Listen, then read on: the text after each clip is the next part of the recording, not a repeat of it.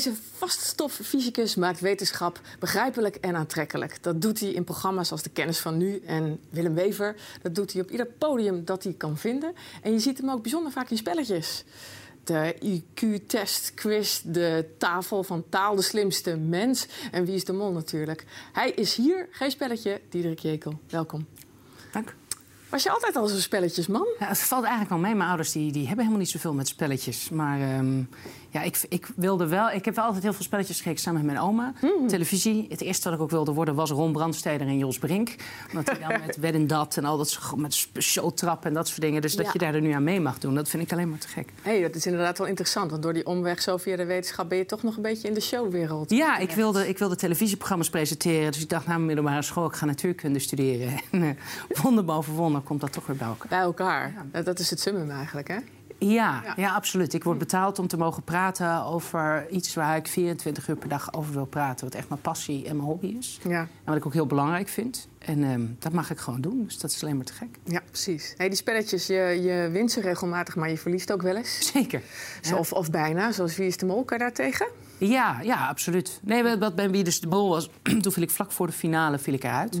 En ehm, ik had daar echt zoiets van, ja, of ik moet het nu winnen... of ik vind het ook prima als er hier nu eh, het doek valt. En ik heb toen een plannetje bedacht wat, wat het zeg maar in ieder geval daarvoor zou zorgen. Gewoon all or nothing, net als met poker, gewoon banden voor gaan. Ja. En joh, ik, ik heb op het verkeerde paard gewet. Dus ik, heb helemaal, ik zou het ook nooit verdiend hebben om in de finale te staan of, of te winnen. Want ik had het gewoon fout. En de mol heeft het gewoon beter gedaan. Dus Ja, precies. dat is dan toch pop. Ik zag eh, in de Kennis van Nu het programma waarin eh, jij en Elisabeth van Nimwegen Ja, ja. allerlei, ja, eigenlijk allerlei wetenschappelijke onderwerpen behandelen, uitleggen, proberen, onderzoeken doen, ook op jezelf. Ja. Zag ik onder andere een onderwerp waarin jullie de kunst van het liegen en dan vooral van het doorgronden van liegen bestudeerden. Ja. Had jij, als je dat had gedaan voor Wie is de Mol, toch nog kunnen winnen? Eh, nee.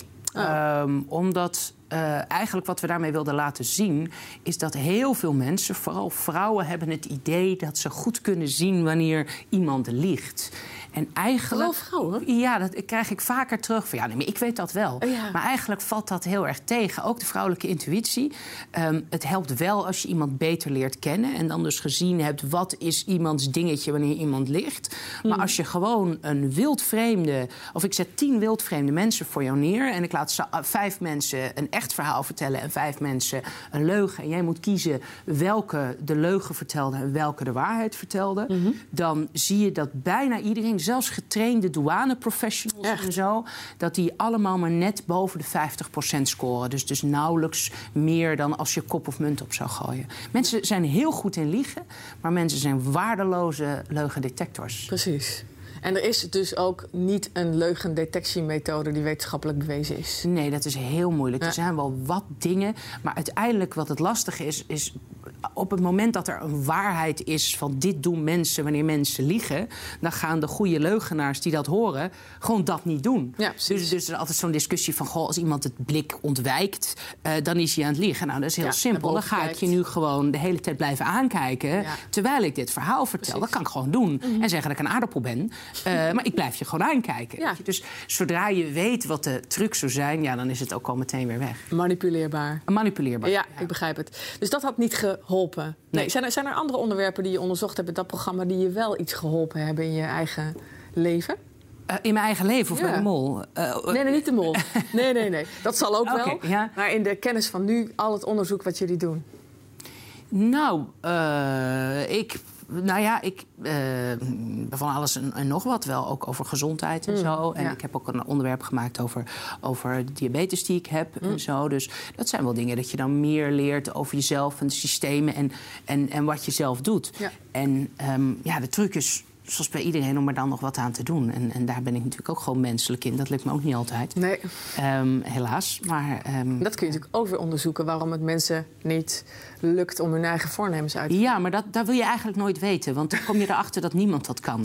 En dat niemand echt afvalt. En dat het gewoon allemaal één groot drama is met, met voornemens en zo. Dus dat is een stukje wetenschap dat, dat je eigenlijk liever niet wilt weten. Oké, ik heb nog wel een troostrijk boek over voor je, denk ik. Maar dat doen we dan later wel. Dank. Dank. De- jij bent, hebt gekozen na je studie om niet wetenschapper te worden die zelf actief onderzoekt, maar de journalistiek in te gaan. Ja. Ehm, of te presenteren en te spreken over wetenschap. Waarom Mhm. heb je dat gekozen? Nou, allereerst omdat ik denk dat ik een redelijk gemiddelde natuurkundige zou zijn. Mm. Ik denk niet dat ik, dat ik echt Nobelprijswaardig werk zou afleveren. Waarom niet? Ehm, nou, ik heb gewoon vrienden. Weet je, natuurkunde is over het algemeen voor veel mensen echt wel een, een studie van bescheidenheid. Je wordt elke dag geconfronteerd met dat je eigenlijk als mens net te stom bent om de hele natuur te begrijpen. Ja, ja. Omdat je een beetje op het randje van de kennis zit. En ik had zoveel vrienden die zoveel slimmer waren dan ik, dat ik daar altijd wel een stukje twijfel bij mezelf had. Hmm. Plus dingen uitleggen en een beetje op een leuke manier dat doen. Of, of aanpassen aan een publiek. En luisteren naar hoe je iets kan uitleggen zoals de toehoorder dat het beste zou willen horen. Ja. daar ben ik net ietsje makkelijker in dan, dan mijn collega's. Dus, Ja. En ik vind het heel erg leuk. En ik denk dat ik hier gewoon een groter verschil kan maken in, in, in Ja, wetenschapsjournalistiek. want jij vindt het belangrijk ook, hè? Om die Het wetenschap uit te Van dragen. levensbelang. Van levensbelang. Waarom? Nou, alles wat op ons afkomt, alle grote vragen, zoals het broeikaseffect, zoals de energiecrisis, zoals voedselschaarste, groeiende hoeveelheid mensen op aarde, die ook allerlei vluchtelingenstroom teweeg brengt. Alles heeft een wetenschappelijke component tegenwoordig. Het zit in elk facet van ons leven. In je zak met een iPhone, alle maatschappelijke discussies, of we te veel in communicatie zijn of niet. Dat zijn allemaal dingen die onderzocht moeten worden, die iets met technologie te maken hebben, iets met, met mensen, met is het een probleem of niet. Dus alles wat we doen heeft steeds meer met wetenschap te maken. Je zei tegenwoordig en je zegt steeds meer. Het wordt alleen maar meer. Was dat dan niet zo? Eh, ja, maar het wordt alleen nog maar heftiger. Als je kijkt naar hoeveel technolo- technologisch gedreven onze samenleving is, dan is dat meer dan ooit. Dat is waar. Eh, en, en ook naar wat, wat iedereen wel doorheeft. Van, goh, ik moet de hele tijd bereikbaar blijven. Ik moet de hele tijd eh, dingen volgen. Alles verandert zo snel. Dat zijn maten van stress die, die waarschijnlijk nu wel meer zijn dan vroeger. Mhm. Ehm, en, en de vraag is een beetje, eh, wat doen we daaraan? En wat willen we met elkaar? Oh, wat willen we met klonen? Wat willen we met embryoselectie? Er zijn Ja. zoveel verschillende maatschappelijke discussies... die allemaal steeds moeilijker te bevatten worden... omdat ze steeds ingewikkelder worden. Nou... ehm, politici roepen er allerlei dingen over. Die zeggen dit, oplossing dit of dat. Mhm. Ja. Ehm, een, een Trump zegt dat global warming gewoon niet bestaat... en, en bedacht is door de, door de Chinezen. Ja. Nou, dan vind ik het fijn dat we met z'n allen proberen... dat alle burgers gewoon wat meer op de hoogte zijn van de basics van wetenschap. Mhm. Zodat we ook gewoon weten wanneer een politicus onzin praat en wanneer niet. Ja, precies. En dat is natuurlijk altijd verschrikkelijk moeilijk. Maar Ja, want wat kun je me eens helpen dan? Want hè, je hebt het nu over global warming en Trump en zijn beweringen... en eh, de tegenovergestelde beweringen natuurlijk. En, en dan lees ik wat en dan lees ik dat een wetenschapper of een meteoroloog... eh, aangeeft dat er helemaal niet minder poolijs is, maar juist meer. En dat het ook niet door CO2 komt, want dat is bedacht. Hoe kan je als leek onderscheid maken tussen wetenschap en, en onzin? verschrikkelijk onmogelijk. Exact. Ehm, maar wat in ieder geval wel heel nuttig is met z'n allen om te bedenken, is dat wetenschap gewoon een proces is.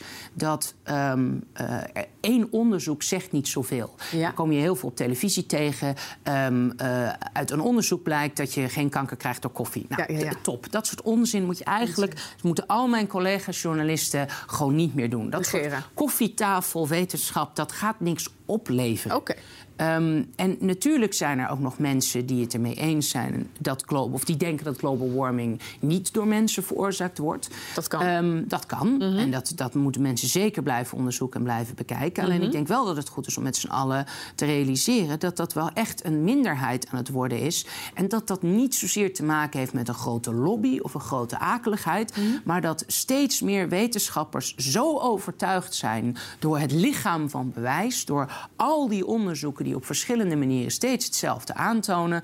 Namelijk dat er echt wel zekerheid is binnen de wetenschappelijke wereld dat CO2 uitstoot van de mens iets te maken heeft met het toenemende broeikaseffect. Dus ik moet dan zorgen dat ik me baseer, mijn inzichten baseer op de meerderheid van onderzoeken. Ja, nou, het, het, het, klinkt dan nu een beetje alsof het een soort, soort beauty contest met een jury wordt. Maar het, het, is net wat anders, omdat dat wetenschappers zijn vanzelf aan zichzelf vaak sceptischer dan wie dan ook. Vaak zijn dat hele wantrouwige mensen. Ja, ja. Want dat hoort ook bij de wetenschap. Je accepteert niet zomaar wat. Mhm. Maar als zoveel procent van de mensen overtuigd wordt door wat het IPCC, zeg maar, een soort, het soort wereldwijd samenwerkingsverband, wat, wat alle onderzoeken op het gebied van het broeikaseffect op een rij en probeert mhm. uit te zoeken wat zegt het nou collectief. Ja dan is iedereen het er wel pretty much bijna over eens dat. we een probleem hebben. Ja. Nou, um, dat is iets dat als een Trump zegt van goh, dat geloof ik niet. Mhm. Ja, nou ja, dan, dan is het niet echt aan Trump om dat te vinden. Want als mens vind ik ook wel eens wat. Mm. En een politicus vindt ook wel eens wat. Maar als hij dat gewoon niet onderbouwt, um, dan slaat dat nergens op. Ik kan ook zeggen dat atomen uh, de bouwsteentjes van alles uit ruimteschepen bestaat. Maar ja, geloof je dat of niet? Vind je dat ik dan aan het woord moet gaan of niet? Weet je? Het mag natuurlijk wel als politicus. Tuurlijk mag je vinden wat je mm. wil, absoluut. Het, het gevaarlijke is, en daar vind ik dat we als mensen een beetje op moeten passen, um, is dat uh, zo'n Trump kan vervolgens wel de funding, de, hoe dat, de, de toelage, het geld weghalen bij mhm. mensen die dit onderzoek doen. En dat zie je nu in Amerika. Mhm. Dat hij zegt, ik geloof het niet. En, en ik durf dan maar te geloven uh, dat dat komt... omdat hij heel erg groot zo betaald wordt door mensen... die dat niet zo goed uitkomt. oliebedrijven en dat soort dingen. daar gaat hij veel mee om. En hij zegt, ik geloof het gewoon niet. Mhm. Ondanks dat er een gruwelijk brede consensus is... dat er wel degelijk wat aan de hand is. Nou, laten we dan zo zeggen, als jij het niet gelooft en een grote groep wetenschappers zegt er in zijn consensus... dan moet je in ieder geval niet het geld bij die wetenschappers weghalen... zoals die nu doet. Mhm. Dan moet je het misschien meer onderzoeken. Ja. snap je? Steek daar geld in. Je hebt adviseurs die ah. je wat zeggen als politicus. Oké. Dus dat is wat je ook uh, moet uh, doen als politicus. Je moet zorgen dat je breed onderzoek steunt. Uh, dat is altijd nuttig. Maar mhm. op het moment dat bijna alle wetenschappers zeggen dat het toch voornamelijk nuttig is om dit te onderzoeken, waarom zou jij zelf dan uit een soort gevoel of een soort intuïtie dan wat anders gaan doen? Mhm. Je hebt adviseurs niet voor niets. Luister gewoon. Je kan niet alles weten. Uh, net zoals dat ik ook gewoon maar de sportanalyse van Jack van Gelder uh, accepteer. Weet je, ik luister daarnaar. En dan kan ik er nog steeds Goed misschien voorbeeld. volsmatig niet met hem eens zijn. Maar op het moment dat jij, dat ik minister, als ik als minister iets over sport zou moeten zeggen, ja. ja, nou dan luister ik toch naar mijn adviseurs, omdat dat niet mijn expertisegebied is. En maar hoe bepaal je wie de juiste adviseurs zijn? Ja, nou ja, dan kan je er meerdere vragen en hmm. kijken wat er gebeurt. In de breedte. En, ja, of, of kijken naar wat journalistiek zegt, mm die, die verantwoorde mensen zijn. Ieder, weet je, ieder heeft gewoon zijn taak hm. in de maatschappij. Hm. Weet je, het is niet oké als dokters uitgebreid ook betaald worden door een farmaceutische industrie, hm. omdat ze dan misschien geld accepteren en daardoor hun medische mening daardoor aanpassen. Ja. Politici moeten niet hun zus, zeg maar, een een of andere aannemersklus laten doen als commissaris van de koning. Dat, dat mhm. moet je gewoon niet doen. Mhm. Dat is belangenverstrengeling, of in ieder geval de schijn van belangenverstrengeling. Maar het is toch wel de realiteit. Nou ja, die zus, dat wordt dan wel een schandaal. Maar er wordt bijna geen medicijn meer ontwikkeld zonder steun van uh, pharma.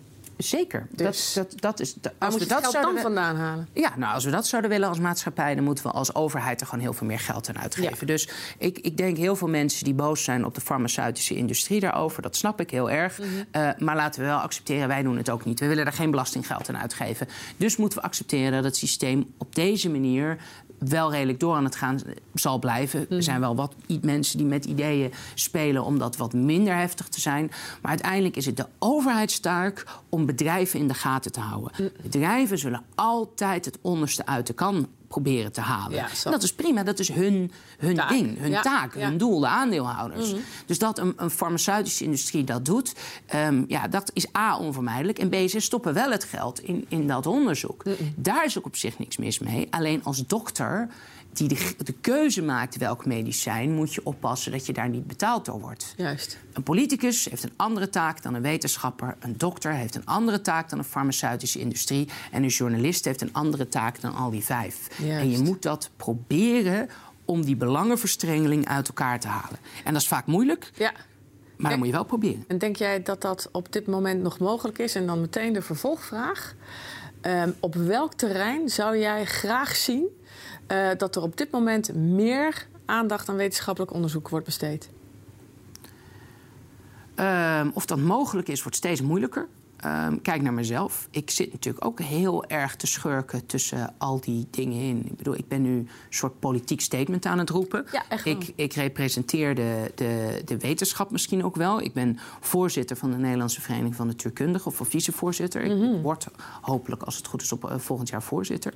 Dat betekent dat ik namens de natuurkundigen soms praat. ehm, soms als televisiepresentator. Dat is in mijn geval. Ik ben een voorbeeld van iemand die schurkt tegen dat probleem aan. Ja. Eh, je moet er zo eerlijk in proberen te, eh, te zijn. Ehm, ik heb gelukkig nog geen invloed direct als politicus Nee. bijvoorbeeld. Ja. Maar als ik dus als ik bijvoorbeeld minister zou zijn, ja, dan, dan vind ik dat je bepaalde dingen misschien niet meer kan doen of wel kan doen. Jij zei tegen mij in de wandelgang ooit eens dat je eigenlijk wel een minister van OCMW wil worden later als je groot bent. Eh, ja, ik zou dat heel mooi vinden. Voornamelijk omdat ik in een soort weirde positie zit. Dat, ik bedoel, het ministerie van OCW, Onderwijs, Cultuur en Wetenschap. Dat is eigenlijk een heel erg raar huwelijk, is dat. Ja. Ehm, eh, het, het zijn wel alle drie onderwerpen die ogenschijnlijk niet heel veel geld direct opleveren, zoals landbouw en dat soort dingen. eh, die moeilijk meetbaar zijn. Dus in die zin zijn ze logisch bij elkaar. Maar er zijn gewoon niet zoveel wetenschappers die in de cultuur zitten en niet zoveel onderwijsmensen Nee. die in de wetenschap zitten. Dus het is, ehm, ik, ik zit in een rare positie dat ik in de televisie werk, waar OCMW over gaat. Dat ik filmscenario's schrijf, dus in de cultuur zit. Dat ik eh, elke dag in, in, in wetenschappelijke laboratoria kom. Je bent dat ik- OCMW. eh, nou ja, ik, ik, ik, ik ben in, door mijn werk in een soort weirde positie. Ja. Dat ik alle drie die facetten heel veel tegenkom en, Ja. en daar ook veel mee te maken heb. En waar zou je voor staan als minister? Ehm, nou, eh, ik, eh, ja, kijk, alle drie ehm, zijn, hebben een andere aanpak nodig. Wat, wat ik denk dat, dat op dit moment, wat ik erg jammer vind, ehm, is dat je. Wij in Nederland. En op, dat zie je eigenlijk over heel de wereld hoor, heel de westerse wereld, dat er niet echt meer megalomaan doel gesteld wordt. Ehm, en als je kijkt naar eh, bijvoorbeeld. Zoals? Ja? Nou ja, bijvoorbeeld het Apollo-project, eh, Ja. waardoor we naar de maan zijn gegaan. Eh, dat heeft enorm veel opgeleverd. Dat heeft, heeft Amerika 30 jaar lang de grootste wetenschappelijke wereldmacht ooit gemaakt. Er is een, een studie geweest, de Chase Econometric Study, en daar, daar kan je dingen op aanmerken eventueel. Maar die heeft gezegd dat elke dollar die in het Apollo-project gestoken is, heeft 14 dollar voor de Amerikaanse staatskas opgeleverd. Aan, aan extra eh, uitvindingen, aan, aan, aan you name it, eh, conjuncturele dingen, nou, allemaal economisch geneuzel. Zijn er Maar het- andere megalomanen doelen die niet de ruimte ingaan, die ook megalomaan zijn? Nou ja, op- het moment dat wij in het verleden... we hebben het namelijk wel eens gehad... op Ja? het moment dat wij in een van de zwaarste financiële crisis zaten... waar we ooit geze- eh, gezeten hebben... hebben we gedacht, we moeten de afsluitdijk maken. Ja. We moeten ervoor gaan zorgen dat mensen gewoon niet meer doodgaan... vanwege dat hoge water. En dat is gebeurd in een tijd dat we geen geld hebben gehad. Moet je je voorstellen nu dat op het moment dat we moeten bezuinigen... dat iemand zegt, nee, we gaan toekomstbestendig, gaan wij wel doen. Ja, we moeten zoveel miljard bezuinigen... maar we gaan nog een extra miljard bezuinigen... omdat we er weer bovenop willen komen. Ik mis heel erg een stukje visie. Op het moment dat je kinderen wil laten inspireren tot wetenschap... moet je niet... ze- Die hebben niet het idee van, ja, later ga ik uitrekenen... hoe ik een Prius 3% zuiniger kan maken. Dat hoor je heel Dat, weinig. dat hoor je heel weinig. Die, die, die jongetjes en meisjes hebben wel posters van, van, van raketten Ja. tegen hun plafond. Die hebben een. een, een weet je, er, er is een heel mooie uitspraak dat ehm, als je wil dat. ehm, eh, eh, dat mensen schepen gaan bouwen, dan moet je ze niet uitleggen hoe, hoe dat werkt met hout en, en dat soort dingen. Mhm. Maar je moet ze leren om te verlangen naar de zee. En op het moment dat je mensen laat verlangen naar de zee, gaan ze zelf wel uitzoeken hoe ze dat doen en gaan ze die kant op. Het enige wat je dan nog hoeft te doen als land, wat je gezien hebt bij het Apollo-project, Ja. is de infrastructuur mogelijk te maken, de logistiek. Ja. Dat de universiteiten het geld hebben, de mogelijkheden, de middelen hebben, dat ze met elkaar kunnen communiceren. Dat we niet mensen buiten houden buiten een land die intellectueel slimme dingen kunnen doen. Dat soort dingen werkt haaks op een goede kenniseconomie. Exact, en dat heeft dan weer te maken met die vluchtelingen die wel naar binnen moeten komen als ze kennis hebben.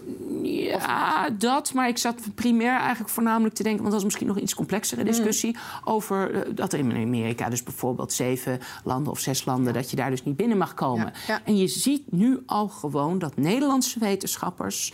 dat er een aantal gevallen zijn die nu al last daarvan krijgen. Ja. De wetenschap is samenwerking, internationale samenwerking. En er is geen enkel land bijna beter daarin dan Nederland. En dus het is voor ons belangrijker dan voor welk ander land dan ook. Zo, het is een vurig pleidooi. Heb je zo'n megalomaan idee? Nee, dan zou ik in jouw woorden moeten zeggen. Welk verlangen zou Nederland dan eens moeten gaan uh, nou, najagen? eentje die natuurlijk heel duidelijk op dit moment is, is wat, je, wat je zou kunnen stellen, is een bepaald klimaatdoel. Mm Daar wordt nog steeds zo over geneuzeld. En over wat er, wat er met de VVD dan, dan nog steeds dat er wat voor. Ja, het, het is allemaal. Maar dan verlang je toch iets naar iets. Dat, is, dat lijkt me lastiger als je denkt aan een groot verlangen najagen. Want dan streef je naar behoud dat het niet kapot gaat. Nee, of gewoon eh, als je zegt, je moet, je moet iets simpels hebben. Zoals Ja. Nederland energie-neutraal dan en dan. Ja, en mooi En doen. ook achterstaan. En ook gewoon dat mogelijk willen maken. En dat je zegt van oké, eh, als wij over 35 jaar alle huishoudens in Nederland energie-neutraal willen hebben, wat Ja. op dit moment ongeveer het doel is, dat betekent dat je elk jaar 200.000 huishoudens energie-neutraal moet maken. Zo groot is eigenlijk dat megalomane doel. Alleen dat hebben wij niet door, omdat het een beetje geneuzelig gebracht wordt. Maar eigenlijk zouden we 200.000 huishoudens energie-neutraal moeten maken voor ons doel van 2050. Ehm, dat is enorm. Dat is praktisch onhaalbaar. Dus het is er al bijna. Alleen er wordt er niet gezegd: oké, dan moet er een universiteit zijn die in 2025 zo'n soort technologie bedacht heeft. Jongens, ga maar aan de slag. Wie wil, wie kan. Daar hebben we nu deze prijs voor. Dit is uiteindelijk hoe ook die deeltjesversneller in Zwitserland gemaakt werd. Daar hebben ze 30 jaar over gedaan. Alle technologie bestond nog niet. Je zegt gewoon, dan moet er maar iets uitgevonden worden. Ja. Ga dat regelen, jongens. Ja. Een beetje come on, een beetje die, die, spirit. En dat mis, ik, dat mis ik heel erg op dit moment. Ik, eh, ik hoor je. In jou niet. Nee, jou is het, eh, is eh, zo te horen. Ja, en misschien praat ik ook onzin. En, en ongetwijfeld, en dat maakt me helemaal niet uit... maar dan hoor ik graag inhoudelijk waarom dat onzin is. En dan kunnen we in gesprek en dan hoop ik dat het plan aangepast kan worden... tot iets wat geen onzin is. Ja. Maar op dit moment is er een soort angstig geneuzel in de politiek. En dan gebeurt er dus Vanaf heel weinig. is heel makkelijk van te zeilen. Eh, Laten we even een concreet doel stellen. Wanneer ben jij minister van OCMW? Doe eens even een eh, jaartal, ongeveer. Dat mag is niet exact. Nou, 2030. 30, mooi. En heb je daar nog een, een, een, een type minister-president bij voor ogen? Want dat word je dus niet.